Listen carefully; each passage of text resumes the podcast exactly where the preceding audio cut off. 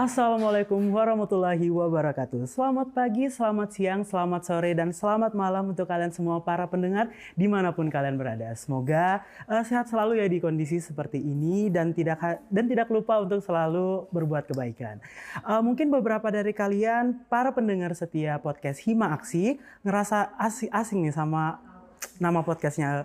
Mungkin beberapa dari kalian malah bilang kayak uh, ini nggak salah podcast kan ya? Enggak, enggak, enggak. Kalian nggak salah karena uh, saat ini, for your information, podcast Hima Aksi yang dulu kalian kenal sebagai XUM.cast telah berganti nama dengan Hima Aksi Talks. Wah, tahun ini dimulai dengan nama baru dan konsepan podcast yang baru tentunya. Jadi dengerin terus Hima Aksi Talks untuk terus dapetin informasi-informasi menarik untuk soal jurusan akuntansi dan Hima Aksi sendiri dan untuk kalian para warga akuntansi FEUM. Oke, ini udah beberapa menit aku ngomong tapi mungkin dari beberapa dari kalian bilang kayak ini siapa gitu dari tadi nggak ngenalin diri. Oke.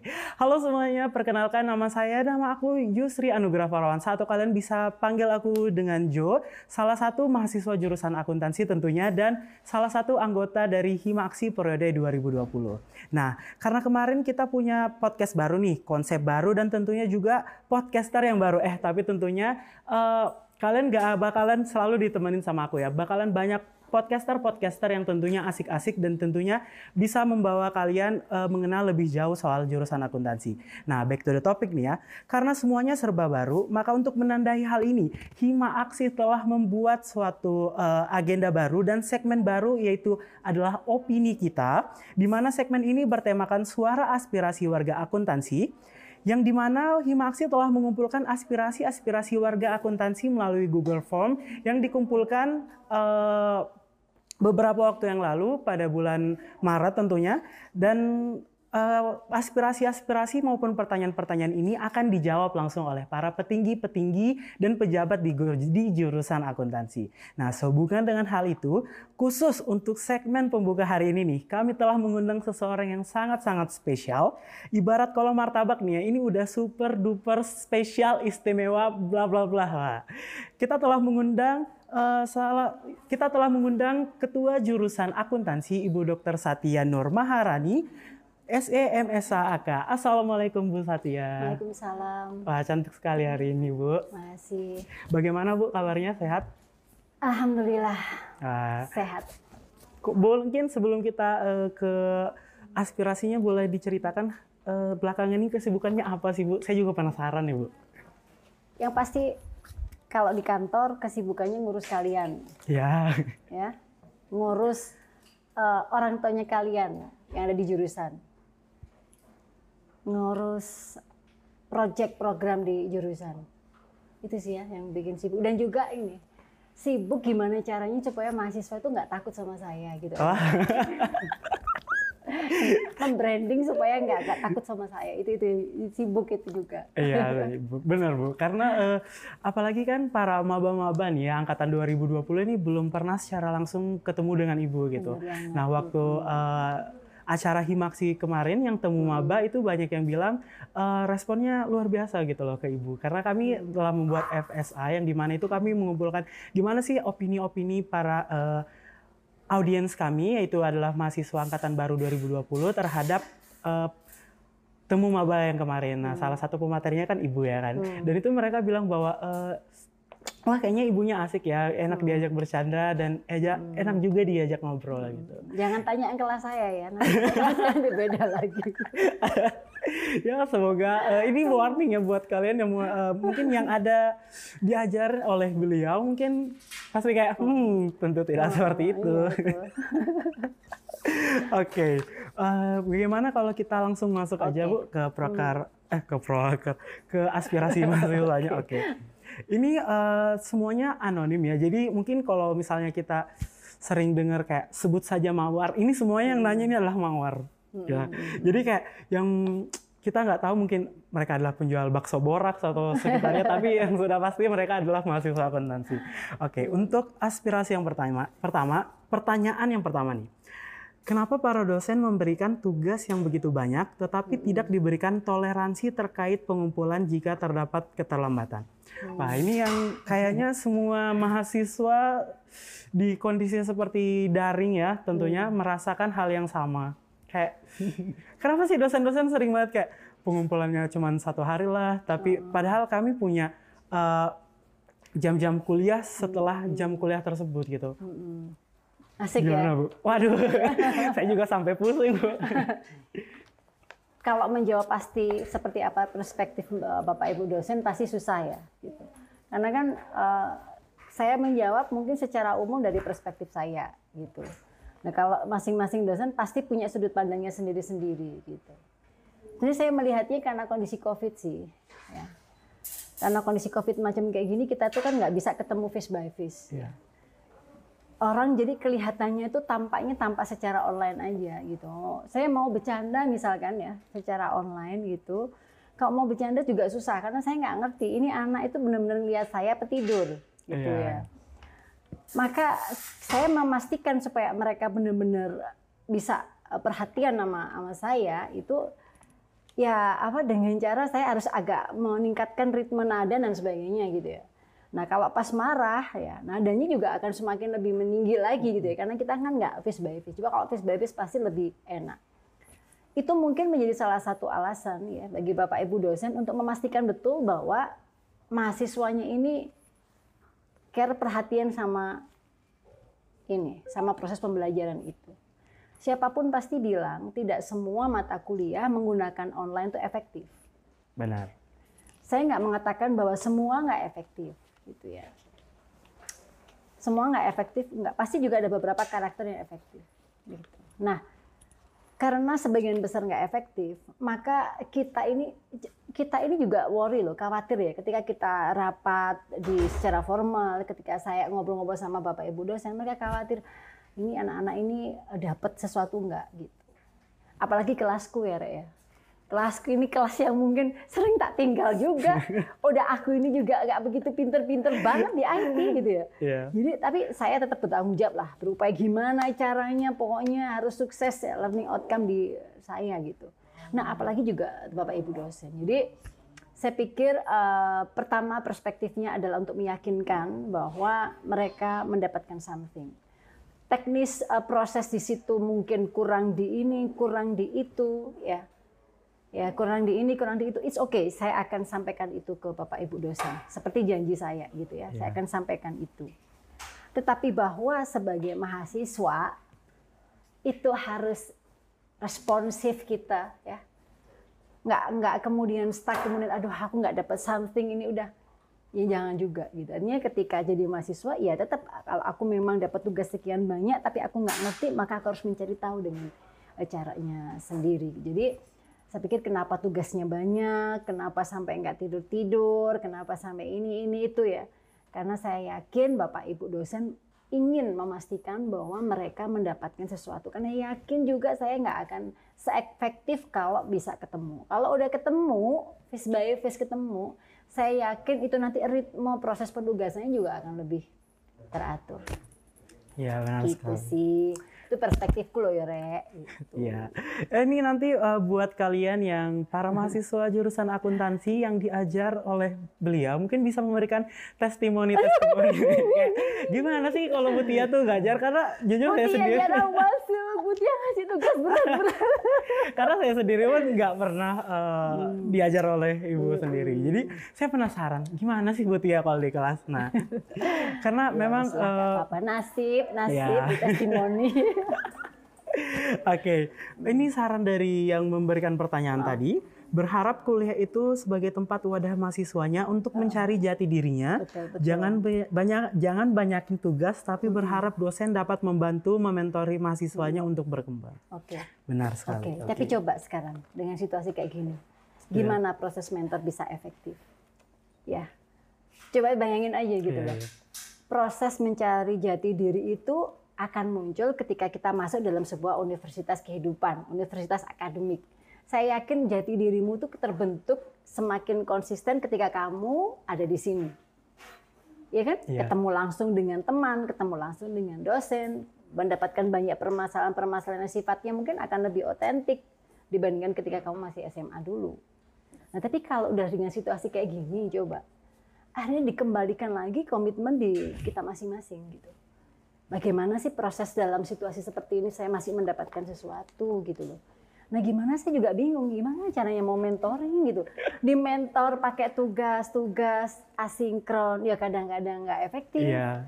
Ya di mentor secara sinkron datanya habis banyak kan repot. Jadi ya it's okay lah bagaimana dosen harus menyikapi ini secara optimal, bagaimana mahasiswa bisa menyikapi secara optimal, tetapi paling tidak berdoa selamat datang semester depan ketemu dengan kita secara langsung. Amin. Gitu.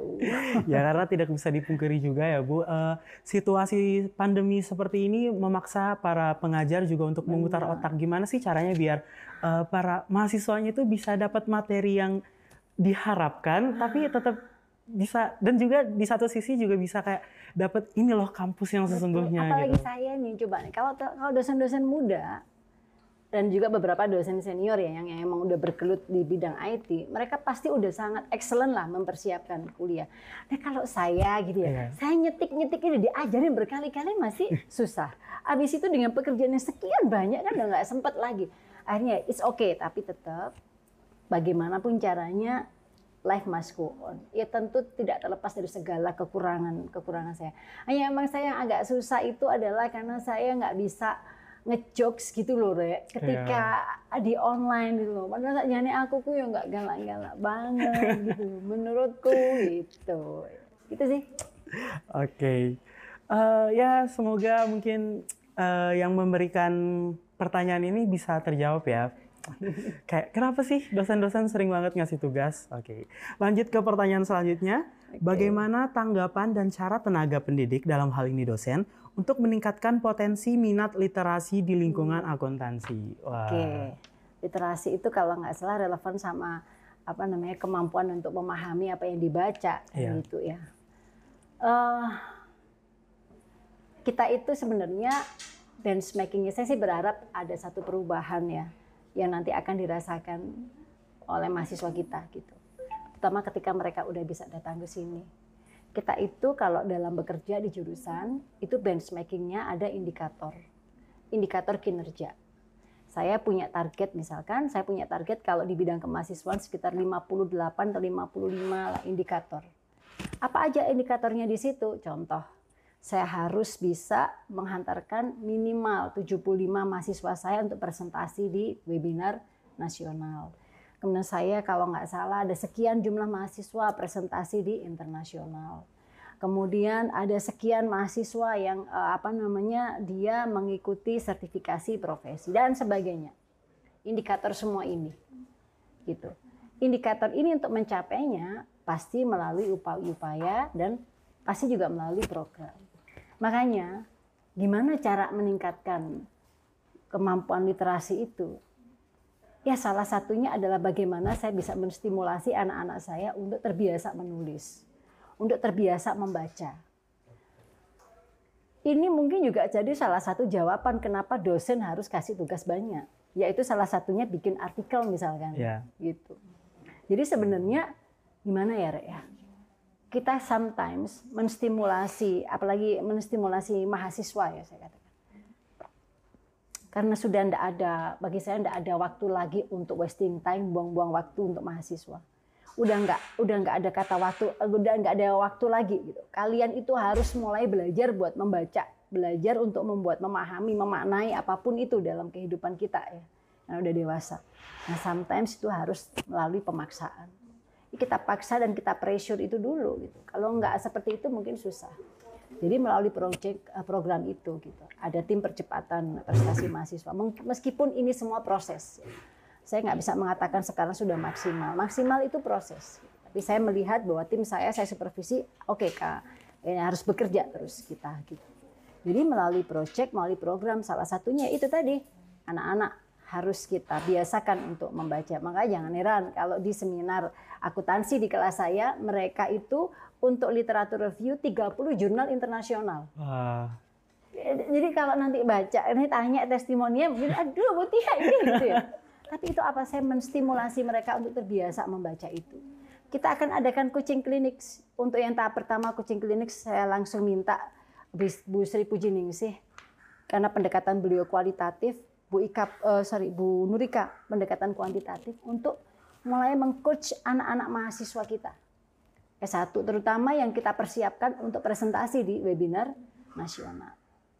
Jadi sebenarnya ya, dalam kondisi yang situasi yang sangat terbatas ini gitu. Tapi nanti kalau sudah off, saya yakin ya dengan berbagai proyek program itu saya yakin semoga moga-moga lebih efektif dan lebih optimal. Oh ya satu lagi Rek, sebenarnya ya literasi itu nggak hanya dari buku aja gitu. Literasi itu juga memaknai kehidupan sebagai orang-orang yang dewasa. Sebagai orang-orang yang dewasa menyikapi apa pun yang dia dapatkan gitu. Dosen model apa pun yang dia dapatkan, tugas apa pun yang dia dapatkan. Saya hanya selalu menanamkan ke anak-anak saya bahwa apa yang kamu hadapi sekarang ini, entah itu positif, entah itu negatif, saya yakin tidak akan ada rugi selama kamu melakukan proses melakukan proses pencarian yang terbaik untuk menyelesaikan situasi-situasi seperti ini. Jadi sebenarnya kalau dikatakan apa yang dilakukan oleh jurusan seperti itu ya, selain proyek program-program kita di bidang kemahasiswaan, gitu. Tetapi juga sebenarnya dari aktivitas kehidupan kita yang seperti ini, dengan mendapatkan dosen yang macam-macam, dengan mendapatkan tugas yang macam-macam, kita sebenarnya juga distimulasi dan dituntut untuk bisa berliterasi, memahami, memaknai semua ini gitu kehidupan itu sendiri. Gitu. Nah, itu sih saya. Wah, uh, sangat memuaskan sekali ya jawabannya. Uh, makanya nih jangan heran mungkin ada beberapa dari kalian yang bertanya, kenapa sih jurusan itu sering sekali uh, membuat uh, seperti paksaan kayak kita harus ikutin cover paper, kita harus ikutin ini dan kita harus ikutin itu. Uh, seperti yang dijawab Ibu Tia tadi bahwa uh, dari yang saya tangkap bahwa ini adalah merupakan indikator untuk kita supaya di satu sisi kita juga bisa berkembang gitu ya Bu. Betul. Ya dan juga uh, uh, maksudnya uh, program-program kerja yang dilaksanakan oleh jurusan ya outputnya adalah untuk ke mahasiswa itu sendiri juga gitu. Coba bayangin, ya. Alhamdulillah ya, kita yang tahun 2020 kemarin dapat award di bidang kemahasiswaan. Ya. Indikator kemahasiswaan itu yang diukur prestasinya mahasiswa loh. Termasuk sertifikat-sertifikat mereka, ya, termasuk sertifikasi profesi yang udah didapatkan sama mereka. Banyak sekali indikatornya. Dan itu pun juga akan terus di awardkan uh, tahun ini gitu. Nggak nggak hanya kalian yang sekarang bergerak. Jurusan tetangga tetanggamu juga mereka bergerak ingin memenangkan di prodinya yeah. mahasiswanya fakultas di sebelah sebelahmu di teknik mahasiswa itu sudah menjadi bagian dari risetnya dosen itu secara langsung. Oke, gak usah bicara di fakultas lain, di universitas lain, di UGM, di UNER, di UI. Mereka semua berjalan dengan tidak hanya sekarang berjalan, berlari mereka dalam melakukan proses akademiknya mereka. Kita tarik sekarang ke sini. Saya yakin input mahasiswa saya itu keren saking nggak ketemu langsung sama saya deh ya sehingga vibes-nya ini nggak nyampe ke ke anak-anak kalau kalian sebanyak banyaknya kalian presentasi di nasional itu nanti akan meningkatkan value kinerja dari prodi kalian dan siapa sih yang nggak bangga nggak nggak kalian yeah. sendiri dan itu jangan salah sebelah sebelahmu mereka semua juga udah lari loh dan kamu harus panas juga ya. jangan sampai kita ini kalah gitu yeah, karena yeah. kita ini emang ah pokoknya input dari akuntansi saya yakin the best. Amin. Gitu. Oke. Okay. Yang paling peteni peteni ya apa-apa. karena uh, tidak karena uh, suatu kebanggaan juga ya kemarin waktu jurusan akuntansi mendapatkan awarding itu ya kayak teman-teman saya itu yang di fakultas maupun yang di jurusan-jurusan lain itu bilang bahwa eh jurusanmu menang loh ini terus kayak hmm. kayak wah bangga gitu kayak ada pride tersendiri gitu kayak wah justru sebagai mahasiswa kita juga harus mempertahankan word itu uh, biar kayak Karena outputnya ya balik ke mahasiswa itu sendiri gitu. Aduh bener deh. Dan dan mereka semua juga bekejar-kejaran. Jangan mau kalah. Jangan mau kalah. Kita harus fighting. Oke, saran dari yang memberikan pertanyaan ya Bu. Berbicara tentang minat literasi, ada saran masuk dari mahasiswa untuk mengadakan webinar yang membahas mengenai bagaimana cara mengatasi struggle saat kuliah secara daring, baik itu dalam belajar, mental, pertemanan, dan lain-lain. Selain itu, bisa juga dengan mengadakan pelatihan terkait karya tulis ilmiah secara berkala dan atau bertahap-tahap. Oke, oke, oke. Kalau yang webinar tentang struggle kuliah itu emang sih, ya, emang sangat penting ya. Jadi vibes-nya kita ini, uh, saya, Bapak Ibu dosen, itu juga harus struggle juga dalam profesi kita sebagai dosen, gitu. Dan itu mestinya kalau bisa face by face ataupun semoga secara online, vibes kita itu bisa benar-benar nyampe di di mahasiswa kita.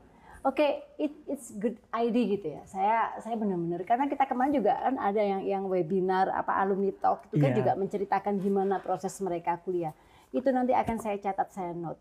Oke. Tuh, gitu. Oke, eh, untuk yang mengadakan pelatihan, Iya, pelatihan. tertulis nih, Bu. Pelatihan, tunggu, tunggu, tunggu waktunya ya. Tunggu. Kemarin kan udah ada yang PKM itu, Iya. ya tim percepatan itu. eh, sebentar lagi akan ada sosialisasi dalam lingkup yang luas, ya. Maksudnya semua, hampir semua nanti akan di ini. Eh, kemudian juga akan ada beberapa proyek program. Pokoknya tim percepatan mahasiswa dikomandoi oleh Bu Setia Ayu, ya. The best ya, perempuan tapi excellent ya. Jadi Bu Setia Ayu nanti yang mensupervisi langsung eh, berbagai proyek program dari eh, tim percepatan eh, prestasi mahasiswa kita. Ya. Kayak gitu. Semoga kita lihat saja gimana sih nanti kayak langkah-langkah jurusan nih untuk mengadakan pelatihan, termasuk tadi eh, coaching klinik yang disinggung oleh Bu Satya ya.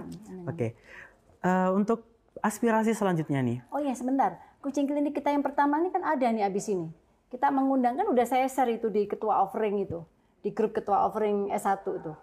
Ya, Yang kita kita mau datangkan eh, satu orang Pak Novris, dia itu ahli ahli banget di systematical review.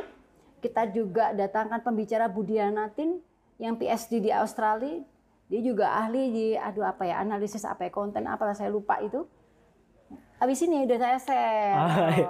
Makanya eh, gitu. diikutin aja terus perkembangan dan betul. diikutin program program kerja dari jurusan ini. Karena outputnya balik ke kalian lagi. Jadi jangan sering marah-marah tuh. Siapa sih yang sering marah-marah? Bukan saya ya pasti. ya. Saya kali. Oke, untuk aspirasi yang selanjutnya nih. Kendala sarana prasarana pembelajaran seperti sistem si pejar yang terkadang down apa yang terkadang down. Wah, iya sih. Apakah pihak jurusan juga ikut andil dalam mengatasi hal ini? Mm-mm. Ya mungkin cara saya mengatasinya adalah ya saya pasti apa ya cara ngatasin saya pasti saya juga pasti akan kasih advice masukan ya. Biasanya saya kalau saya, saya paham lah, nggak hanya mahasiswa sebenarnya yang yang yang broken heart gitu ya Iya. dengan dengan si pejar. Dosen pengampunya itu juga sama. Dan semuanya itu lapornya juga pasti ke saya. Iya. Padahal saya itu juga nggak ngerti ini cara ngeklik ini apaan. Ini pasti sistemnya kan pasti terpusat. Cuman kita nggak boleh juga tinggal diam, Rek. Jadi ya tetaplah tetap ya saya bukan tetap lah ya tetap gitu ya setiap ada masukan terkait si pejar saya pasti langsung confirm dengan pihak universitas karena memang saya nggak punya eh, kekuatan ya untuk bisa eh, gimana caranya itu stable gitu saya nggak nggak nggak punya. Tapi saya punya mekanisme saya biasanya lapor langsung. Saya kelamaan kalau lapor sama stafnya saya pasti lapor sama ketua TIK-nya di universitas. Itu sih yang bisa saya lakukan kalau sistem. Iya, benar sih. Karena ya se- diingat-ingat juga kayaknya emang itu untuk masuk ke ranah universitas langsung ya Bu. Untuk Tapi kamu jangan yang banyak ngebelain Butia. Oh, santai Oh, jadi mau di diserang nih. Santai, santai ya? Iya. Gi- Gini loh ya, Mas. Leader itu kuncinya dua. Dia harus kasih contoh untuk kerja sama anak buahnya. Yang kedua dia harus siap terbuka untuk dikritik. Oh, gitu. iya. Karena ya, tap- tetapi saya selalu ber, saya tapi saya gini juga. Saya mendidik juga diri saya dan juga anak-anak semua. Kita mau kasih kritik, kita mau kasih sar- saran ya, harus dengan teknik dan cara yang elegan, Iya. yang baik. insya Allah pasti kita terbuka juga. Oke, siap Bu. Berarti ini siap dikritik ya Bu untuk Insya Allah. insya untuk Allah, ya untuk aspirasi selanjutnya mungkin bisa Semoga ya, diterapkan. Oke. Insya Allah. amin. Eh, saran untuk yang memberikan aspirasi, semoga ke depannya pihak jurusan memperbaiki sistem belajar serta sarana dan prasarana yang ada di jurusan. Apa ya? Karena kalau Kak udah bilang sarpras itu memang eh, udah kewenangan dari universitas ya Iya. untuk treatment. Tetapi saya, tetapi kita mengupayakan untuk melengkapi. Abis ini kita udah punya lab baru loh. Wah, Nah, kita ada lab eh, ACL audit. Jadi saya kemarin udah meng- meng-hire Bapak Ibu dosen kita pengampu audit biar praktikum auditnya nggak lagi manual. Hmm. Jadi saya pang- saya meng-hire, saya bekerja sama dengan instruktur dari BPK. Kita kemudian eh, Bapak Ibu kita latih untuk eh, audit berbasis IT atau ACL. Kemudian kita juga habis ini punya lab ERP, Enterprise Resource Planning. Bapak Ibu juga nanti akan kita latih untuk ERP. Dan nggak usah khawatir ada pertanyaan tentang mayop. Saya sudah anggarkan 40 million insya Allah ya untuk lab kita menjadi accurate. Ya, udah Ya. ada insya Allah di RAB kita hanya di, di rencana eh, program kita dan udah di ACC itu insya Allah.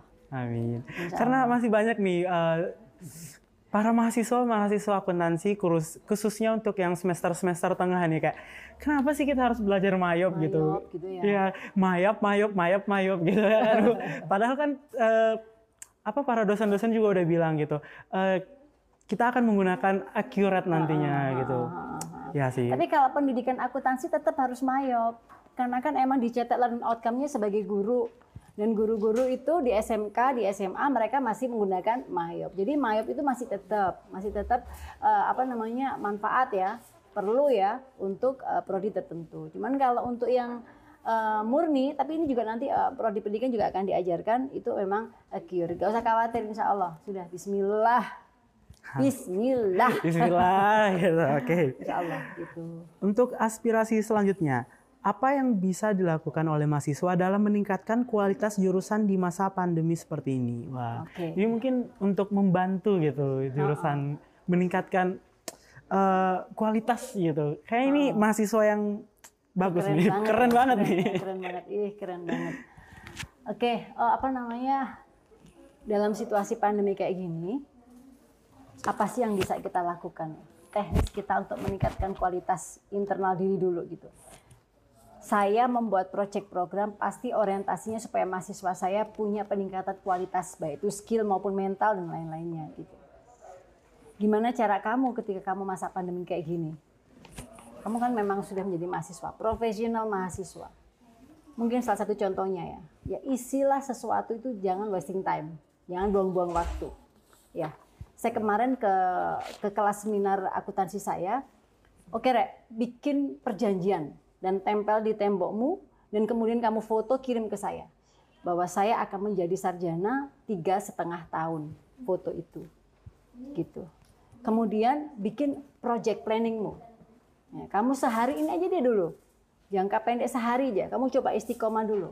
Apa yang bisa kamu lakukan dari awal sampai akhir. Karena apa, Mas? Gimana kita bisa kasih kemanfaatan ke orang lain kalau kita sendiri itu masih belum berupaya untuk bermanfaat buat diri kita gitu. Jadi coba dari masa pandemi kayak gini kan pasti banyak malesnya, pasti banyak di zona amannya, di misalnya di zona nyamannya, di rumah dan sebagainya. Jadi bikin project dulu untuk sehari itu. Kamu melakukan apa, apa, apa, apa, project terdekatmu. Project jangka panjangmu. Kamu mau going extra miles apa? Tak tanya, ayo deh dirimu deh. Kamu kepingin apa projectmu dalam waktu panjang ketika kuliah ini? Yang pasti eh, dalam waktu dekat pasti ingin lulus ya untuk sarjana. Standar, Standar terus. Terus ingin ya yang standar-standar pengen dapat pekerjaan yang layak. Standar itu. Emang menurut Bu Satya sendiri apa sih goal yang apa project yang benar-benar kayak wah ini bagus nih untuk dicontoh. Going extra miles. Ya, Oh. going extra miles. Ya. Ini sebelum bicara tentang apa yang dilakukan ketika masa pandemi ya. Orang boleh berhenti di kilometer kelima, keempat, keenam, kita harus lebih dari itu. Contoh aja dulu. Ketika saya masih kuliah S1 waktu itu. Apa sih proyeknya? Gitu. Targetmu tuh apa Tia gitu waktu itu. Waktu itu saya kerja, saya saya saya jaga di perpustakaan di Brawijaya. Ingat ya, Rek, ketika masa kamu S1 jangan banyak nganggur. Kamu harus kamu harus nanti kalau udah kondisi pandemi berakhir ya. Kalau sekarang mungkin kerja bisa dengan online atau apa ya. Tapi mungkin terbatas, tapi ketika nanti udah safety kamu harus bekerja dan jangan ada waktu yang luang. Tapi harus komitmen ketika kita udah kerja maka kuliah juga harus maksimal gitu. Apa sih going extra mile saya dulu? Ya, saya punya cita-cita di semester sekian saya harus naik pesawat kelas bisnis Oh. Jakarta Sydney Sydney Jakarta biaya sendiri. Wah, dan Contoh. Contoh. Contohnya itu itu proyeknya. Misalnya seperti itu. Artinya apa? Kita punya impian-impian besar untuk itu. Udah ya? Oke ya? Tuh. Jadi kalau kamu tuh cuman IPK 4, kuliah 4 tahun itu standar menurut saya. oh iya, Oke, benar. nah gimana caranya kita meningkatkan untuk tes jurusan rek? Begitu banyak webinar-webinar yang sifatnya free, ya ikuti itu. Gitu. Ikuti itu webinar-webinar itu, ya kamu selain dapat skill, dapat sertifikat, kamu dapat something untuk bisa meningkatkan kualitas internalmu. Dan ingat, ya kita sekarang sedang berlomba untuk mencapai yang terbaik. Lakukan aja. Bikin artikel, bikin presentasi lo di nasional webinar, presentasi, kirim video, kirim video. Nah, itu nanti akan menjadi supporting utama di jurusan. Gitu Iya, oke baik. Jadi Itu sih. balik lagi ke saran-saran selanjutnya nih. Ikutin aja apa yang dibuat oleh jurusan. Jurusan itu pasti memikirkan mahasiswa-mahasiswanya yang terbaik pastinya. Jadi eh, ikutin Yakin lah kamu? Kamu yakin lah? Eh, kamu lihat Saya yakin, apa enggak? Kamu jangan membelain aku, tapi kamu yakin nggak itu? Eh, saya yakin bu, karena Betul ya? Yakin eh, ya? iya yakin lah bu. Masa sama jurusan sendiri Di nggak jurusan yakin itu bu? ada siapa sih? Ada saya. Iya. Saya itu apamu? Eh, ketua jurusan. Loh, no, saya itu adalah ibumu. ya, Iya. ibu itu nggak akan pernah mungkin memberikan sesuatu yang itu nanti akan menyakiti anaknya. No, meskipun emang gila, semakin ibu itu mencintai anaknya, semakin sometimes dia nggak akan peduli. Apa pun caranya, yang penting anaknya itu bisa survival dan struggle, gitu ya. Meskipun mungkin anak itu merasakan jatuh bangun, tapi di situ nanti dia akan belajar. Nah, kamu yakin nggak sama aku? Yakin Ya, lah bu. Alhamdulillah. Udah terbukti loh. Oke, untuk aspirasi yang selanjutnya nih, mungkin setelah saya baca-baca pertanyaannya nih ya Bu, ini mungkin ditunjukkan eh, bahwa eh, Bu Tia sendiri adalah seorang ordal gitu, istilahnya orang dalam di universitas gitu. Nah, pertanyaannya nih gini, apa proyek UM di tahun 2021 ini dan apakah ada cara inovasi baru untuk pembelajaran daring daring ini? seorang dalam. ya, sebenarnya kan gini ya, ya. Aku nggak tahu sih apakah ini memang penting ya bagi bagi. Tapi aku rasa ini penting ya bagi mahasiswa untuk tak share ya indikator-indikator eh, pemeringkatan kita ya. Terutama mungkin di HMJ ya. Kamu udah, pernah di share nggak indikator pemeringkatannya kita? Ha, udah di share kan? Nah, kira-kira dari itu semua mana yang di, di, di, di, di, di- di bidang kemahasiswaan mana yang nggak manfaat buat mahasiswa nggak ada kan Iya. semuanya kan di situ nah emang sih universitas itu ingin menjaga kualitas kita itu untuk berada di klaster 1 universitas di klaster 1 itu ranking 1 sampai 15 nah 1 sampai 15 itu ada penilaiannya penilaiannya adalah seberapa maksimal bahkan melampaui target dari semua indikator-indikator itu. So kalau saya mengatakan apa sih dari universitas ya pasti mereka berupaya betul dan itu pasti di breakdown ke kita untuk gimana mencapai kemanfaatan yang terbaik sesuai dengan indikator itu. Pelajari deh indikatornya. Insya Allah nggak akan ada indikator yang itu menjatuhkan atau bukan menjatuhkan ya, yang itu eh, mengurangi kualitas mahasiswa maupun dosen. Karena indikator dibagi tiga, ada yang bidang dosen, bidang kemahasiswaan, ada tata kelola. Jadi ya orientasinya pasti ke arah situ ya. Gimana dengan pembelajaran secara daring? Nah kalau di buku pedoman emang sih saya saya saya belum yang baru ini masih akan didok ya. Itu eh, kita kan 30% kalau nggak salah kalau yang tahun yang yang tahun kemarin 30% adalah pembelajaran secara online dan sisanya adalah offline gitu. Kalau dulu nih kakak-kakak tingkatmu pasti mereka ingin merasakan pembelajaran secara online. Gitu ya. Karena hampir semua full adalah off. Iya. Nah, kalau sekarang kan kamu udah merasakan 100% itu online. kamu pengen banget merasakan secara off- Offline, ya. offline gitu ya. Jadi kalau dari sisi situ maka eh, justru untuk kualitas peningkatan daring emang sih emang paling optimal itu nggak nggak nggak nggak ekstrim ya. Ekstrim 100% sana, ekstrim 1% sini gitu. Jadi itu tadi tetap nanti akan diatur bahwa pembelajaran online itu akan tetap ada. Oleh karena itu, Rek, gitu ya. Oleh karena itu mengapa saya menganggap bahwa lab podcast itu sangat penting ada gitu. Pembelajaran itu kan juga nggak harus secara formal dan secara kaku dan secara apa ya. Tapi kan juga bisa melewati podcast semacam itu. Artinya nanti saya ber- saya meyakini bahwa berikutnya masih akan ada proses pembelajaran secara online dan inovasinya bisa bermacam-macam sesuai dengan perkembangan teknologi yang sekarang.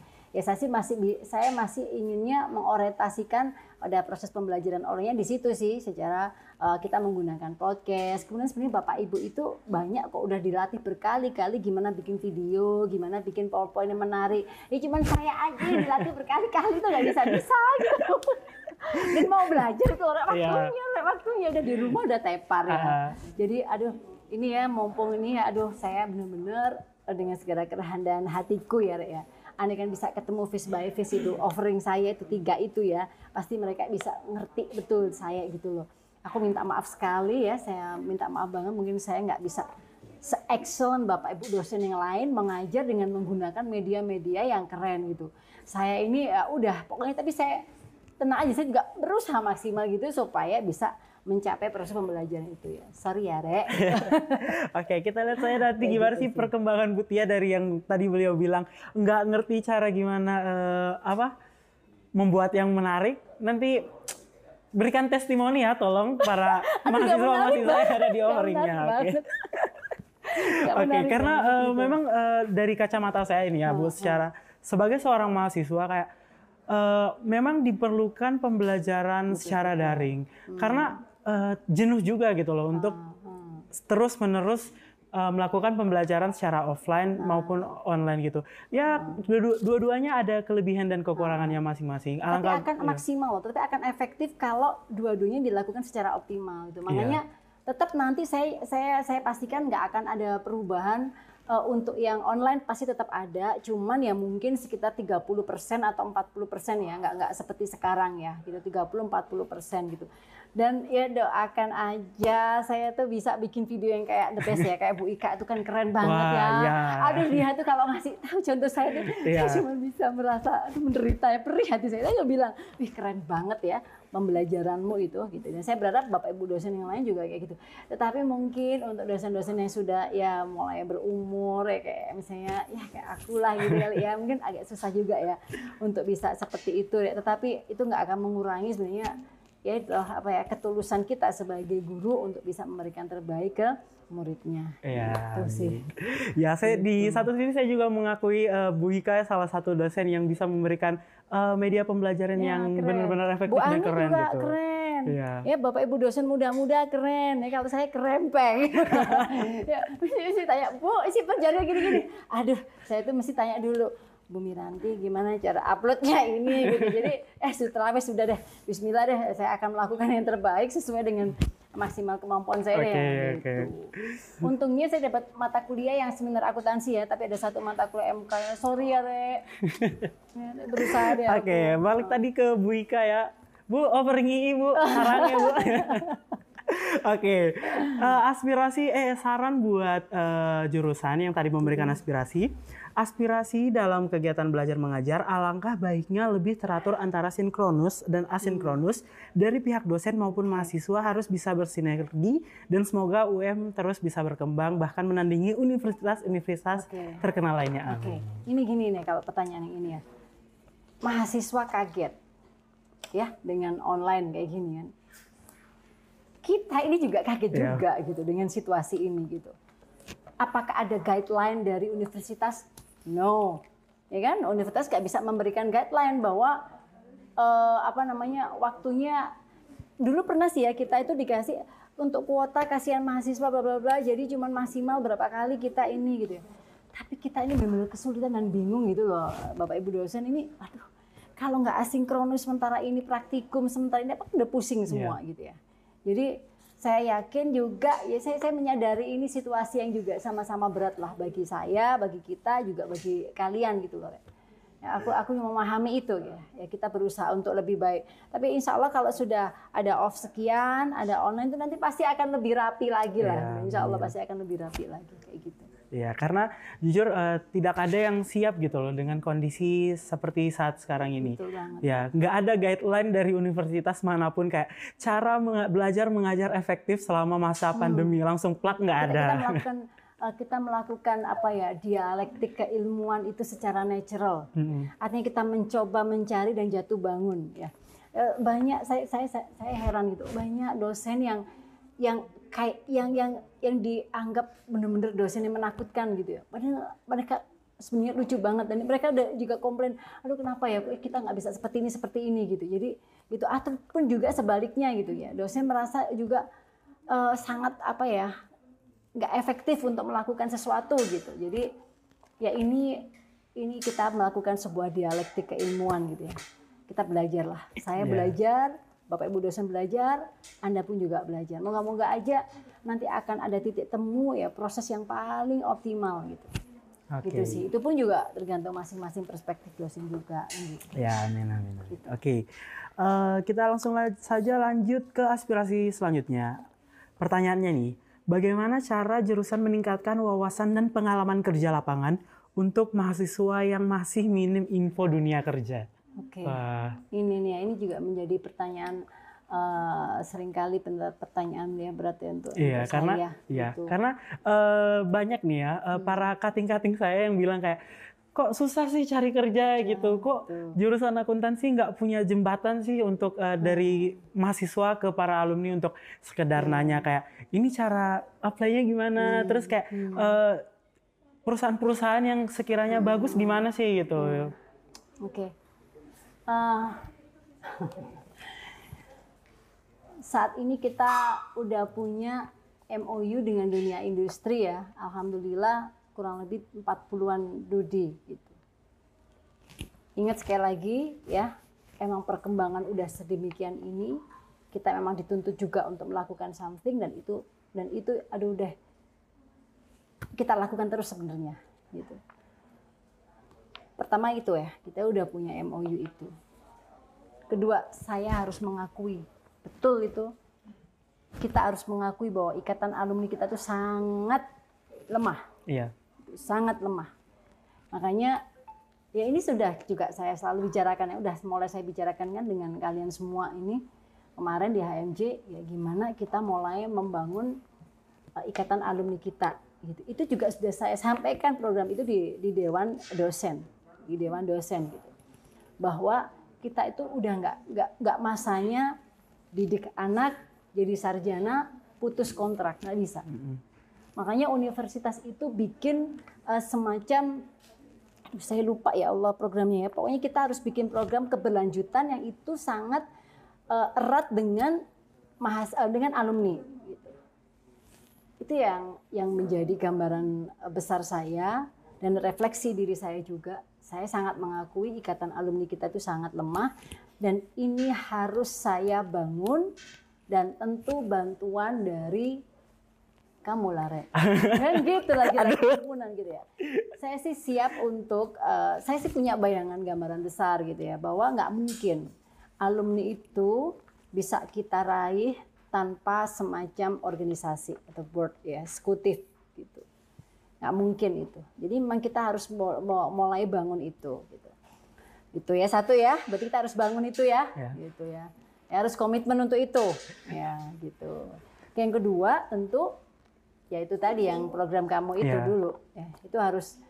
Aduh. Dan dan bisa saya anggarin loh ya itu. Aduh, saya Ah. pressure saya. Tapi itu keren banget ya. Karena apa? Eh alumni kakak-kakak tingkat Iya. itu ya, ada yang bekerja di departemen pajak, ada yang bekerja di eh, EY, ya KAP, Iya. ada yang bekerja di bank perbankan mana pun semua ada. Keren-keren sebenarnya. Ada yang bekerja sebagai auditor. Ya. Jadi ah, sebenarnya ya kita itu punya potensi besar. Saking kita itu memang masih lemah di situ. Nah, saya bisa bayangin kalau kita punya semacam program yang kita bicarakan kemarin, yang nanti akan ada session, kan kita udah punya seribu, seribu Zoom itu, kita bikin kamar-kamar, masing-masing diisi uh, itu apa diisi alumni Yeah. dengan berbagai bidang kerjanya. Mereka akan kasih tahu struggle kuliah kayak apa, caranya cari kerja kayak apa, proses apply apa yang harus kamu siapkan, skillmu dan sebagainya.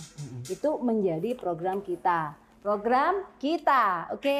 Nah, Jadi kamu kamu Aduh. juga jangan nyuruh-nyuruh aku aja. Kamu juga harus bantu komitmen aku udah ngasih kok, udah ada.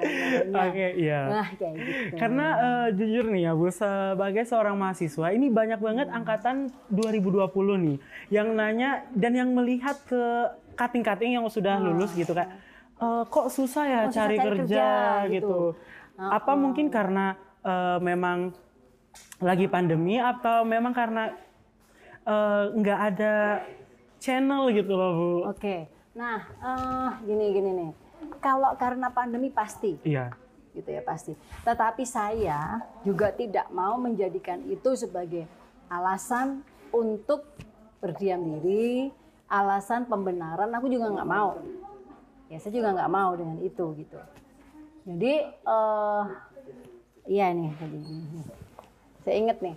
Jadi salah satu dosen kita ya Pak Rizky kemarin di dalam proyek Latsarnya itu membuat membangun website karir.com. Nah, itulah yang yang ini sedang kita godok untuk di dalamnya akan ada database mahasiswa, database MOU kita dengan dunia industri yang ketika mereka butuh pekerjaan bla bla bla eh, butuh apa karyawan atau butuh eh, tenaga kerja mereka akan eh, kasih langsung eh, pengumumannya di website itu. Dan eh, apa namanya harapannya sih kalau semakin memperkuat ikatan alumni kan semakin mempermudah jalan network adik tingkatnya untuk mendapatkan pekerjaan. Jadi ya gimana ya eh, pandemi siapa pun pasti merasakan itu ya. Siapa pun pasti merasakan susah cari kerja tetapi itu juga tidak akan saya jadikan sebagai satu-satunya pembenaran. Saya pun juga harus try hard ya berupaya untuk itu ya salah satunya juga ada sertifikasi profesi. Ya baik itu teknisi akuntansi jawab itu juga ya Ya. pertanyaan ya jadi ada dua profesi teknisi akuntansi dan profesi kewirausahaan sertifikat kewirausahaan. Profesi teknisi akuntansi itu berbiaya. Ya biayanya kalau nggak salah 400 500 ribu. Saya tidak bisa anggarkan untuk banyak mahasiswa karena terbatas apalagi dengan kondisi covid RAB kita dipotong 60 persen Wah, banyak Gitu wah. ya. iya. tetapi eh, saya tetap meningkatkan sekian persen mahasiswa yang saya biayain dari yang tahun kemarin dengan yang sekarang. Kita sudah ada tim eh, tim tempat uji kompetensi yang dengan BNSP. Itu pun juga nggak mudah kita dapat itu. Jadi nggak semua universitas, nggak semua fakultas kamu lihat yang punya TUK level profesi satu-satunya cuman di akuntansi.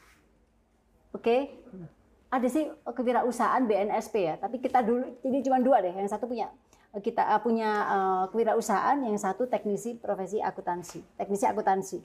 Dan itu nggak mudah. Nah itu berbiaya. Nah saya uh, sudah anggarkan saya lupa sekian ratus lah kalau nggak salah lah. Itu nanti timnya Pak Fauzan dan teman-teman yang akan menggodok kalian untuk untuk itu. Jadi memang nggak bisa semuanya kita freekan gitu ya. Tapi ada kompetensi kompetisi macam itu. Iya. Itu sih tahapnya itu dulu rek nggak duitnya lo rek. Kalau kalau duitnya gitu pastilah gitu. Ada ya. soal masalah duit gitu ya. Ya iyalah gitu masa Oke, lanjut saja ya ke pertanyaan selanjutnya sebelum saya diteror ya. Gimana Andre? Oke, eh, untuk kepengurusan surat saat online sudah banyak kemudahan, tapi alangkah lebih baik kalau fast, lebih fast respon atau informasi-informasi menghubungi ke pihak mana bisa diinfokan lagi. Apalagi untuk mahasiswa angkatan 2020 itu belum banyak tahu soal regulasi, regulasi dari jurusan karena minimi- minimnya sarana informasi. Ya wis pokoknya aku berusaha maksimal rek, wis yo, sing dari A sampai Z gitu ya. Ya. Kita berupaya secara online itu gitu ya. Ya tapi ya itu tadi pasti ada miss miss miss missnya. Tapi insya Allah eh, sepanjang eh, yang saya supervisi langsung, saya pikir ya semua masih everything masih gonna be okay, masih bisa berjalan dengan dengan efektif lah. Abis ini jangan jangan jangan banyak online-nya lah. Kalau Ya. sudah off kan sudah bisa secara langsung juga kita ngurus sesuatu. Oke, semoga nanti di bulan Juli ya seperti rencana pemerintah kita berdoa saja semoga uh, pandemi ini cepat kelar dan kita secara bertemu lewat Amin. bertatap muka secara Nah, langsung. Karena Oke. apa ya kalau udah ketemu kayak gini, itu nanti itu pasti bisa lebih terasa gitu loh, Rek. Nah kalau online tuh aku ngamuk di aku jalan nih kejem ngono loh aku ya. Ya memang sih aku memang agak anu ya misalnya kamu tuh anu anu. Nah, tapi kalau pas ketemu gini kan kamu pasti lebih ngerti kan. Ya. Gitu. Ya benar. Eh, aspirasi selanjutnya nih Bu. Nah banyak ini yang bilang kan sekarang tuh era globalisasi ya. Semua ber eh, berpacu pada berpacu dalam melodi, ber, eh, be- dipengaruhi oleh media sosial gitu. Nah dari yang saya lihat sendiri sebagai mahasiswa, eh, kayaknya media sosial dari jurusan akuntansi itu sendiri eh, kecuali Instagram ya itu kurang begitu menarik menurut saya. Dan eh, misalnya nih ya media sosial jurusan akuntansi dipakai buat apa sih? Yang setahu saya lah bu. Itu cuman kayak repost kalau misalnya ada prestasi mahasiswa. Terus kalau misalnya ada event dari jurusan sendiri. Terus misalnya ada info-info terkait itu pun juga jarang gitu. Jadi kayak eh, mahasiswa kan ingin mendapatkan informasi kan sekarang lebih enak lewat sosial media. Kenapa sih bu nggak di perbarui dan nggak diperbaiki tata kelolanya ke tata kelolanya lebih baik lagi media sosial jurusan gitu media sosial itu kan IG berarti ya. ya Kalau website kan enggak yo. iya itu punya fakultas Enggak enggak enggak, enggak. website website kita tuh masuk media sosial enggak sih? Eh sebenarnya masuk Masuk kan Iya. ya. Website, kita punya IG, kita punya web, kita punya Facebook kalau nggak salah ya. Oke, jawabannya gini ya. Kalau IG kan IG kan udah lumayan ya. Instagram kan udah lumayan ya, udah lumayan ini. Website eh, kita ini kan sedang mempersiapkan akreditasi internasional AKAS. Eh, salah satu yang diminta oleh mereka adalah konten-konten apa aja yang harus di checklist. Ini tadi sudah saya sudah saya supervisi langsung, saya diskus sama Bu Ani karena Bu Ani wakilnya SPM apakah website kita udah ada hal-hal yang diminta oleh oleh lembaga profesional tersebut gitu. Em,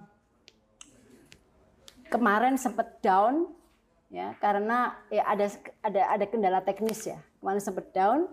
Alhamdulillah sekarang udah bisa dibuka dan udah bisa beralih dari bahasa Indonesia ke bahasa Inggris. Oke, gitu. Em, saya pun juga ya ini ini ini kalau nggak percaya kamu tanya oh mau sama sama sama ini ya siapa sama lo tanya sama Pak Rizky Oh, kan yang, iya. yang, yang suka-suka model-model gini Iya, ya iya. kan beliau kan seneng banget kayak gini-gini. Tanya sama Pak Rizky tanya sama Misela juga gitu. Aduh kalau yang namanya branding ini aku ini kepinginnya excellent dan dan kepingin yang bagus gitu. Di Dewan Dosen ada rekamannya. Tak kasih ya rekaman Iya, rapatnya Dewan, Dewan Dosen ya biar kamu tahu ya Butia ngomong apa di Dewan Iya, iya. Dosen itu. Saya bilang bahwa saya pengen eh, punya eh, yes ya ini tadi semacam apa pun lah aktivitas digital. Saya berjanji mencetak mahasiswa yang learning outcome-nya mengerti tentang IT, tapi kita nggak punya mata kuliah, kita masih masih manual bla Oke, kita siapkan itu sekarang prosesnya. Moga-moga kelar ya. Kita siapkan itu. Tentu dengan yang dipotong tadi 60%. Kasihan banget kan itu. Kemudian saya pun juga udah bilang sama tim, saya sudah anggarkan kita hire website kita harus bagus. Masa sih template gak bisa dirubah sesuai dengan karakter kita, orang akuntansi, karakter kita dan karakter mahasiswa ya, misalnya karakter anak muda gitu.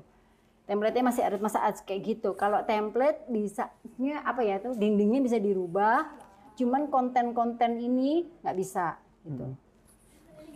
Saya tolong dah deh HMJ deh sharing sih. Apa sih yang diinginin mahasiswa di situ? Kan aku juga nggak ngerti re. Yang yang masuknya itu kan ya tahunya Butia pokoknya ada event eh, kita update ada masa prestasi, prestasi ya dulu kan mahasiswa prestasi nggak pernah diumumin re. Iya, benar, Dan sekarang udah mulai diumumkan kemudian udah kapan hari tak bawa loh. Langsung ketika ada rapat dosen off tak bawa mereka. Itu nggak pernah ada. Ini loh anak-anak kita supaya bapak ibu dosen juga semakin memiliki sama mereka gitu nah kalau substansi dari web apa aja di dalam, silahkan ah, mungkin bisa komen nanti ya. Ah, Iya. Pengenmu itu apa sih yang ada di dalam situ? Tapi tentu ya tetap ada batasan-batasan akademik, batasan-batasan ilmiah. Cuman kan eh, akademik dan ilmiah itu nggak nggak hanya bisa disajikan secara formal ya kan juga bisa disajikan dengan cara yang menyenangkan. Nah, kalau saya kan eh, generasi apa ya? generasi boys gitu ya, Iya, generasi iya. apa jadinya butuh lah. Kalian kepenginnya kayak gimana ya? Itu aja. Iya. Insya Allah kayak gitu sih. Pengennya malah hire mahasiswa. Saya tuh pengennya malah sekarang tuh lebih banyak dibatkan mahasiswa lah gitu. Mm-mm. Eh, untuk pegang ini, untuk pegang itu tentu ada supervisi, supervisornya dari dosen. Oke gitu. baik. Eh, mungkin saran dari saya sendiri ya Bu. Eh, kayak apa sih kamu? ya mungkin eh, untuk eh, media sosial kita mungkin eh, yang pertama user interface-nya harus dibagusin. Apa itu user interface? Tampilan halaman depan, ah, ya. ya itu kan aku bilang gitu, kayak- dindingnya, aku itu- nggak bilang. Ya bahasanya kayak user bahasanya. interface, aku dindingnya tuh loh, gitu Iya kan? bisa. Ah, Soalnya apa ya kayak jujur saya aja buka website kita sendiri kayak duh nggak menarik gitu. Mahasiswa juga kan kehilangan minatnya untuk lebih eh, berselancar gitu loh Bu di Ya ampun, aku kayak gini nih ya, kayak kayak apa ya, kayak gerbegetan gitu loh, Rek. Soalnya aku ku ya wis ngono wis wis kepingin gitu loh. Udah wis iya, tapi tapi mungkin kalau itu ya it's okay ya kita sama. Enggak, tapi kalau yang masalah apa itu konten atau apa tuh yang kamu pinginnya kayak gimana? Isinya apa gitu. Eh, kalau Games, games, games. itu ya banyakan sih ke- sekarang games-games gitu tapi eh, kalau misalnya bisa ditambahkan misalnya Hmm. eh, info-info nih perusahaan mana aja sih yang bekerja sama dengan eh, Oke. jurusan akuntansi Iya, terus bisa eh, bisa dikasih narah hubungnya gitu biar Hmm. eh, para mahasiswa misalnya yang udah mau lulus nih bisa kayak oh ternyata ada nih Hmm. misalnya eh, perusahaan ini kita bisa incar-incar nih mulai dari sekarang gitu Hmm. Oke, oke, terus oke. misalnya kayak info-info soal uh, jurusan juga lebih banyak diupdate gitu. Kayak apanya yang diupdate? Misalnya kayak eh, yang membanggakan gitu. Misalnya uh, Hmm. Karena kan jujur uh, saya sendiri merasa bahwa uh, kita di jurusan akuntansi itu kurang seperti yang saya bilang waktu itu Hmm. kita tuh kurang menga- mengapresiasi mereka-mereka yang telah mendapatkan prestasi-prestasi di bidang akademik maupun non akademik gitu kayak sebagai seorang mahasiswa kayak misalnya saya tahu oh si A dapat penghargaan nih kayak oh oke gitu nggak ada tingkat lanjut gitu bu Ya, maksudnya kayak eh, saya tuh apa apa pengennya tidak lanjutnya pengennya Iya. diapain? tingkat lanjutnya tuh misalnya ya bu eh, si A sudah dapat nih penghargaannya. Saya pengen kayak misalnya si A menceritakan gimana sih pengalaman kayak dia kayak Oh, oke, dia oke, bisa berbagi oke. gitu dibuat ya video gitu Iya, misalnya, ditampilin di eh, webnya gitu ya? misalnya Iya, gitu. iya, oke, oke, Eh, oke. di satu sisi juga ini mengenalkan bahwa oh ternyata eh, jurusan akuntansi ada loh yang menang dan di satu sisi juga seperti kayak eh, cambuk bahwa oh ternyata kita bisa loh berprestasi di bidang ini. Dan itu kan akan Oke. outputnya ke jurusan dan ke mahasiswa sendiri gitu Bu. Oke, nah eh, model-model semacam inilah ya yang yang yang memang aku tuh harus banyak dapat masukan ya. Ada eh, saya saya jadi ingat ya eh, apa ya? Ya kemarin saya discuss dengan Mas Tommy ya tentang gimana podcast kita gitu. Gimana podcast kita. Kemudian eh, beliau kasih saya advice nanti ini gini bu, yang di sebelah sini nanti begini begini begini begini begini begini. Nah, mungkin karena usia beda ya, sehingga kan apa inventif sama inovatifnya kan pasti lebih dibandingkan saya.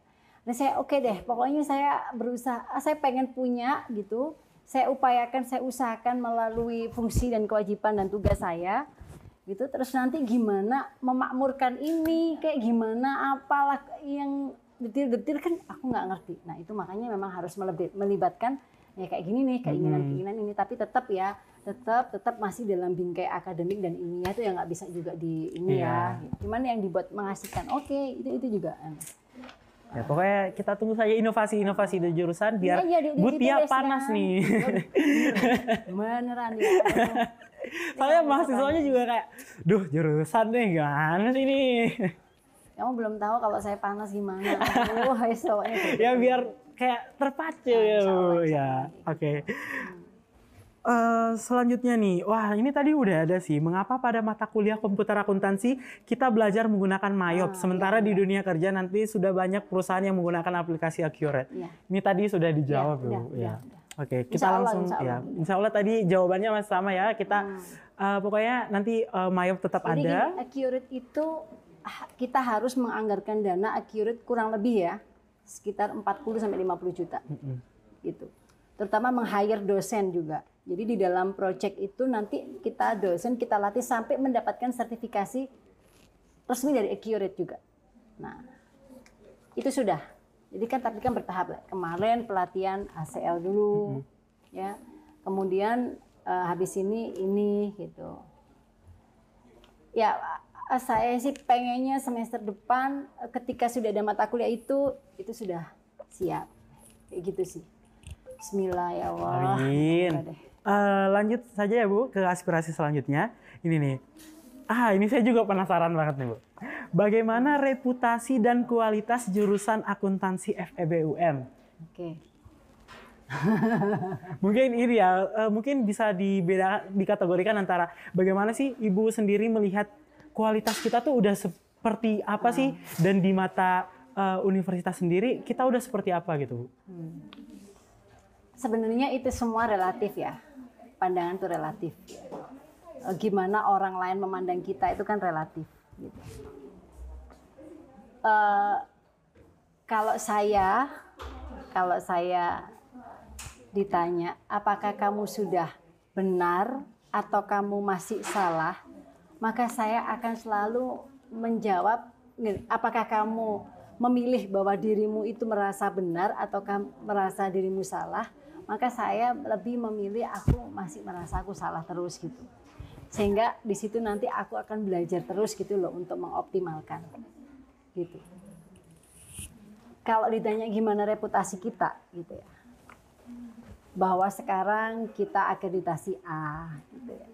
Bahwa sekarang kita sedang berjuang untuk bisa mendapatkan akreditasi internasional gitu ya bahwa yang pendidikan akuntansi berjuang semoga dalam waktu dekat sudah keluar akreditasi bisa unggul bahwa D3 sekarang uh, ada satu wacana yang serius akan ditingkatkan levelnya menjadi D4. Ini wacana serius, saya masih bilang wacana serius, kita berusaha ke arah situ. Bahwa kita berupaya untuk membawa dosen-dosen kita yang meningkatkan kualitas mereka dalam aspek pembelajaran. Saya berusaha untuk itu. Gimana kalau saya mengatakan reputasi kita? Ya saya saya sih itu tadi ya kalau ditanya saya pasti akan tetap selalu berada di posisi saya akan berjuang keras untuk meraih itu semua dalam bidang eh, dosen kita kemarin award nomor tiga itu se seuniversitas award nomor tiga seuniversitas di bidang sosial humaniora dalam bidang kinerja keseluruhan seuniversitas akuntansi nomor satu loh kemarin Wah. ini benar ini di Monef monitoring evaluasi setiap Desember. Nomor satu kita, kalau nggak salah nomor dua teknologi pendidikan, nomor tiga mana saya saya lupa. Gitu. Apakah ini dikatakan prestis? Gitu. Saya memilih untuk berada di posisi yang tadi. Kalau ditanya apakah kamu ingin merasa bahwa dirimu benar atau di mana dirimu salah? Saya masih merasa itu tadi lah. Saya saya silakan aja orang mempersepsikan dalam persepsinya sendiri-sendiri bagaimana diri kita di akuntansi, tetapi bahwa saya bertanggung jawab untuk membawa tim saya, dosen-dosen, membawa anak-anak saya untuk punya lebih progres, lebih positif adalah iya. Itu sih. Gitu. Saya, jadi saya mending mending berpikirnya kayak gitu. Jadi kemarin pencapaiannya ada itu gitu. Satu universitas kita nomor satu kinerjanya. Kemudian ketika award kita nomor satu di kemahasiswaan dan di bidang dosen gitu. Ya, ya itu sih gitu. Oke, kalau saya boleh nanya nih ya Bu, kayak misalnya nih Ibu sendiri mengukur eh, eh, Ibu dan tim di jurusan itu seberapa sudah berapa berusaha maksimal sih dari skala gitu. Misalnya dari skala 1 sampai 10 gitu. Apa misalnya kayak ini nih seharusnya masih ada hal-hal yang harusnya bisa diperbaiki gitu. Soalnya ini banyak yang penasaran gitu loh. Karena kayak eh, kita orang-orang awam yang taunya kayak wah jurusan akuntansi udah menang ini itu gitu kayak emang seberapa keras sih eh, ibu dan tim bekerja gitu. Saya nggak bisa bikin level. Oh, Sekali lagi iya. ya, saya nggak bisa bikin level. Kalau kita ada di level itu, eh, eh, sa- saya saya coba membebaskan diri dari eh, bentuk bentuk eh, apa angka-angka tadi ya. Tapi tapi bahwa begini,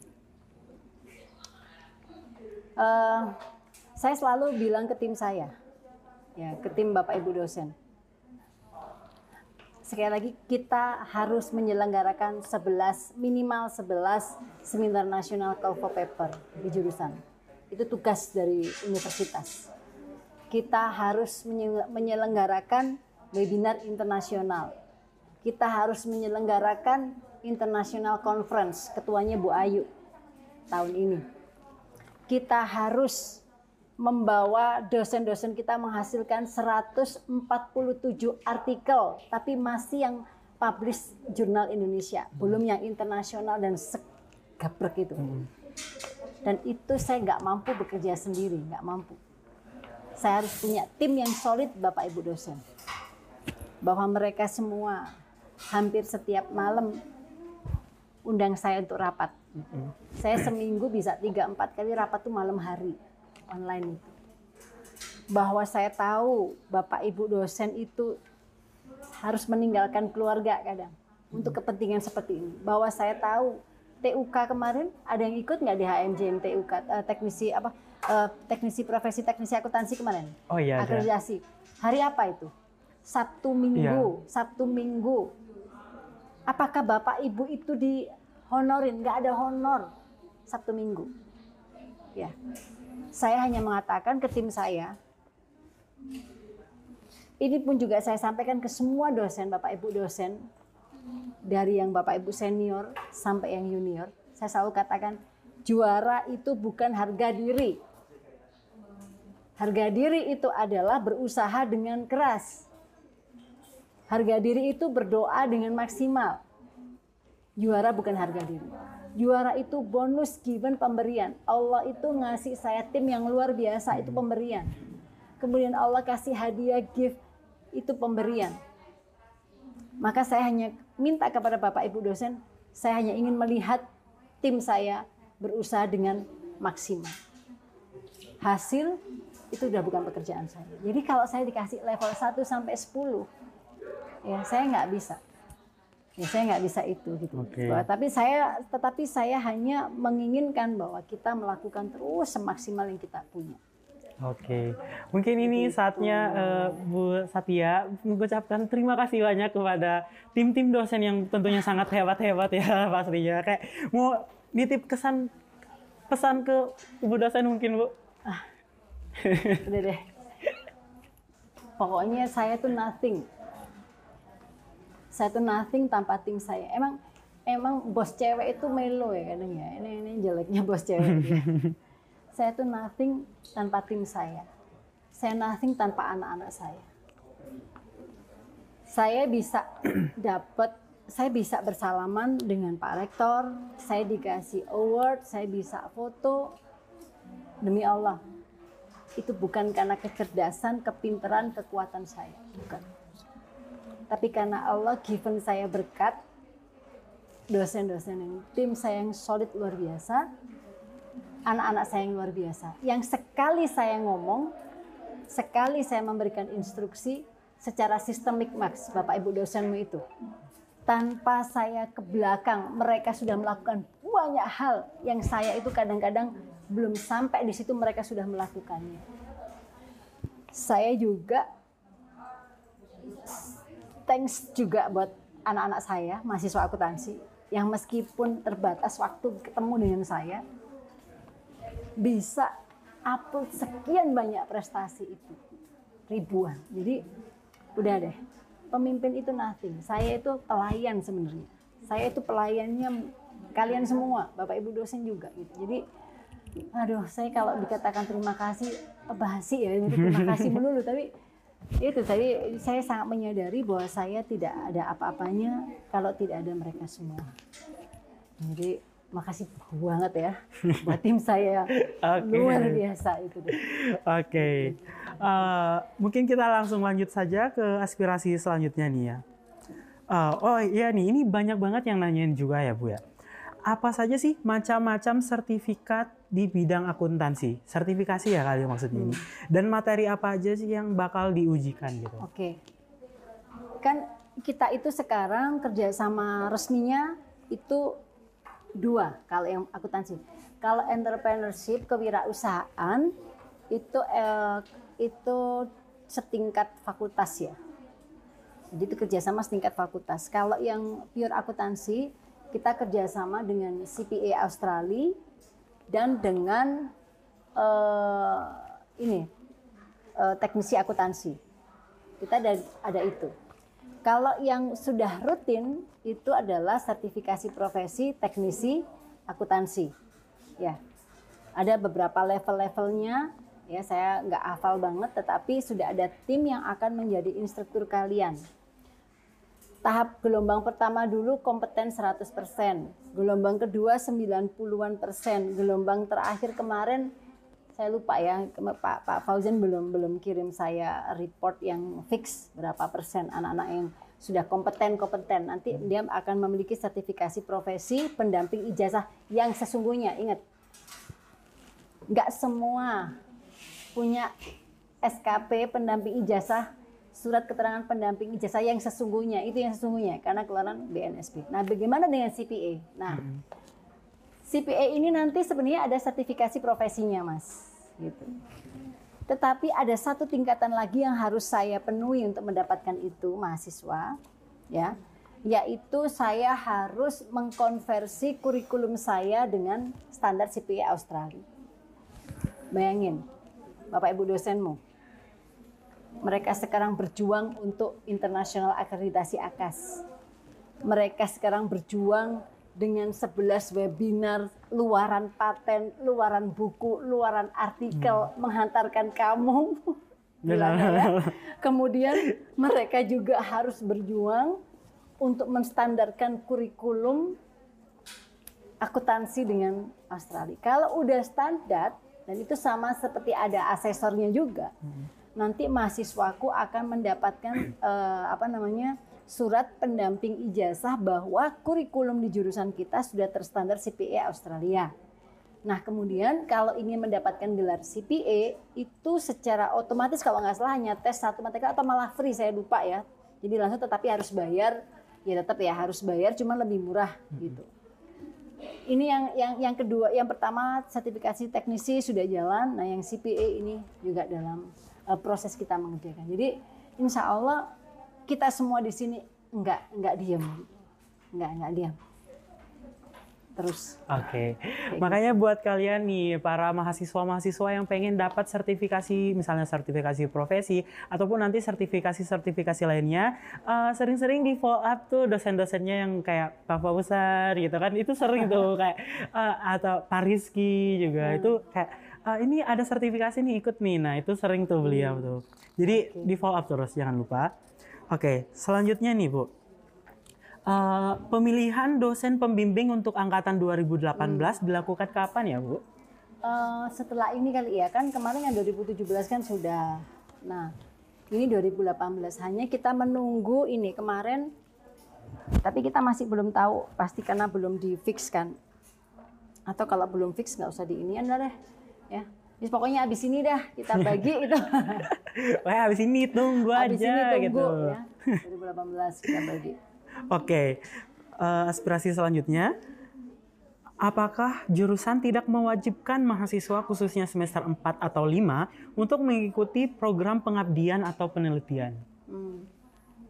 Sebenarnya bukan jurusan yang mewajibkan ya kita itu sebenarnya diwajibkan oleh universitas gitu ya mm-hmm. untuk mengajak mahasiswa dalam bidang penelitian maupun pengabdian dosen. Gitu. Hanya kan emang ada kuotanya tuh, mm-hmm. gitu. nggak bisa banyak juga ya. Sehingga itu pun juga sekarang menjadi proses pemikiran gimana anak-anak kita bisa ikut menjadi bagian dari riset kita di pengabdian kita. Um, kalau mewajibkan itu nanti jadinya repot. Karena kan sekian ribu mahasiswa, sekian ratus mahasiswa penelitian pengabdiannya kita tuh cuman berapa gitu. Kecuali kalau mau penelitian mandiri, pengabdian mandiri, tapi kan itu juga mekanismenya nggak nggak nggak ini ya. Itu sih ya. Emang ya ya tetapi bahwa sekarang setiap penelitian pengabdian dosen itu harus sudah melibatkan mahasiswa. Makanya kemarin saya sudah bilang, ayo penelitian kita harus melibatkan dua mahasiswa bahkan alumni. Nah, kayak gitu. Hanya memang ini tadi ya belum merata, belum apa, nah, Iya. proses lah. Ya, ditunggu saya prosesnya karena banyak nih mahasiswa-mahasiswa yang sering curhat kayak kok kenapa sih eh, orang-orang itu terus yang dipilih buat ikut penelitian gitu. Ini juga, ini ya, ini ini ini ini uh, oke. Ini bisa juga refleksinya tidak hanya dari Bapak Ibu dosen. Saya pun juga mengatakan gitu. Ayo kita ratakan. Maka kemarin ketika uh, kita mensupervisi uh, penelitian pengabdian Bapak Ibu dosen, saya lihat kalau udah ada nama ini nggak usah dipakai lagi lah di sini. Ayo cari yang lain gitu. ya. Jadi saya pun juga melakukan pendekatan ke Bapak Ibu dosen. Tetapi saya juga meminta ke anak-anak mahasiswaku itu mereka juga aktif ya untuk membranding dirinya gitu loh maksudku. Contoh kemarin saya membuka eh, saya membuka ini loh semacam lowongan eh, yang akan bantu aktivitas jurusan kalau nggak salah kan? Iya, Itu kan? yang media sosial juga Oh, itu media ya. sosial bla bla bla Iya. harus bisa ini ini aku nggak paham ya itu kan urusannya teman-teman dosen muda. Coba berapa yang daftar? Berapa Bu? Mau? Oke. Makanya padahal jurusan lo sudah memberikan kesempatan gitu Jadi ya. branding lah dirinya kalian gitu. Jadi kalian juga harus juga aktif ya untuk menjadi orang di atas rata-rata. Benar, Tuh. benar. Makanya mungkin sekarang nih buat kalian mahasiswa yang pengen ikut penelitian dosen mungkin bisa ya PDKT dulu lah sama dosen yang melakukan penelitian tersebut biar nanti kalian bisa Hmm. dipilih gitu. Jadi kayak nggak itu-itu terus gitu orangnya. Oke. Ya, aku berusaha supaya nggak itu terus. Iya. Tapi kalian juga harus membranding diri kalian sendiri. Ya karena Gitu. ya karena eh, dosen-dosen sendiri pun juga kayak kalau eh, itu kan masalah eh, apa ya trust gitu, kepercayaan, gitu. Ah, kepercayaan. Maksudnya kayak eh, para dosen pun kayak mempercayakan penelitiannya ke para mahasiswa-mahasiswa yang berani dikenalnya. nggak berani gitu. nggak mahasiswa itu langsung aja WA ke bapak ibu dosen misalkan tapi kan kadang sometimes anak-anak ini kan takut gitu ya karena mungkin belum ketemu langsung kan ya. Ya nggak masalah sebenarnya bapak ibu gitu. Saya uh, punya kemampuan begini-begini saya pengen sekali ikut gini-gini gitu. Emang mungkin karena situasi seperti ini juga ya. Tapi artinya ayolah gitu ya.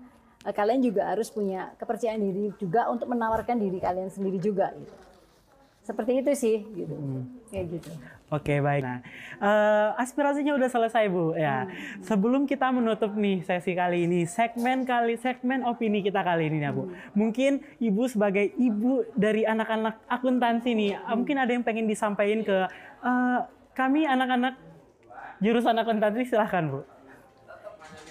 kayaknya udah banyak banget ya Iya. yang tak sampai hari ini gitu ya. Aku happy banget bisa mendengar curahan ini semua. Eh, selama hampir setahun setengah ini aku sering sedih gitu ya kalau aku ke kantor dan itu nggak ada kalian semua gitu. Jadi sering banget saya sedih makanya sering aku bikin status-status gimana sepinya saya di sini. gitu. Meskipun ketika dulu 2019 saya tuh juga sempat sumpek juga mahasiswa tuh tiap hari di pagi semester saya sampai nggak sempat ngapa-ngapain gitu Iya. Tapi saya merasakan kesedihan banget nggak ada nggak ada kalian gitu. Jadi em, ya saya cuma pengen kita bisa segera bisa ketemu face by face. Sehingga bagaimana saya ini ini saya membicarakan saya dan semua bapak ibu dosen ya. Jadi bisa face by face bisa ketemu dengan kalian sehingga kalian juga bisa merasakan energi transformasinya ketulusan itu bisa masuk kalian juga bisa akan saya juga kadang-kadang kan dosen juga gini aduh ini gimana sih Bu Tia ini nyuruh saya keluar padahal kan saya ini tadi nggak telat tapi karena Iya. sinyal dan sebagainya gitu ya tapi saya udah kadang marah duluan udah kamu keluar aja misalnya gitu gitu. Nah tapi kalau face by face itu kan nanti akan oh ya si dosen akan lebih ngerti Iya. mahasiswanya, mahasiswa akan lebih ngerti ngerti dosennya. Jadi saya nggak ada ke apa-apa lain selain saya emang benar-benar nunggu momen saya bisa ketemu anak-anak saya itu udah itu aja gitu dari Oke, okay. didengarin ya saran-saran dari Bu Tia gitu uh, dari beberapa pertanyaan-pertanyaan maupun tadi kesan-pesan dari Bu Tia. Nah, uh, demikian Bu sesi opini hmm. kita kali ini. Terima kasih banyak sudah meluangkan waktunya. Hmm. Semoga nanti uh, apa yang pembicaraan kita dapat ditangkap oleh mahasiswa-mahasiswa ya, dan juga dapat menjadi uh, suatu cerminan bagi mahasiswa hmm. juga diri okay. dan juga terkhususnya bagi saya saya sendiri bu. Oke. Okay. Okay, okay. uh, terima kasih telah mendengarkan Hima Aksi Talks uh, dalam segmen dalam segmen opini, opini kita. Nantikan terus episode-episode menarik selanjutnya dan segmen-segmen opini kita selanjutnya. Jangan lupa follow akun Instagram kita di uh, @hmj underscore at AHMJ AKT underscore FEUM di website di website kita www.himaksi.feum.ac.id. IG-nya accounting juga lah. Oh iya, lupa Bu. IG-nya accounting di accounting.feum ya Bu. Sama IG-ku. Wah. at Maharani Tia. Oke. At ya IG-nya di at Maharani Tia. Jangan lupa di follow, pantengin terus sosial media kami dan sampai jumpa di segmen-segmen Hima Aksi Talk lainnya. Saya Jo Anugrah pamit undur diri. Wassalamualaikum warahmatullahi wabarakatuh. Dah. Terima kasih,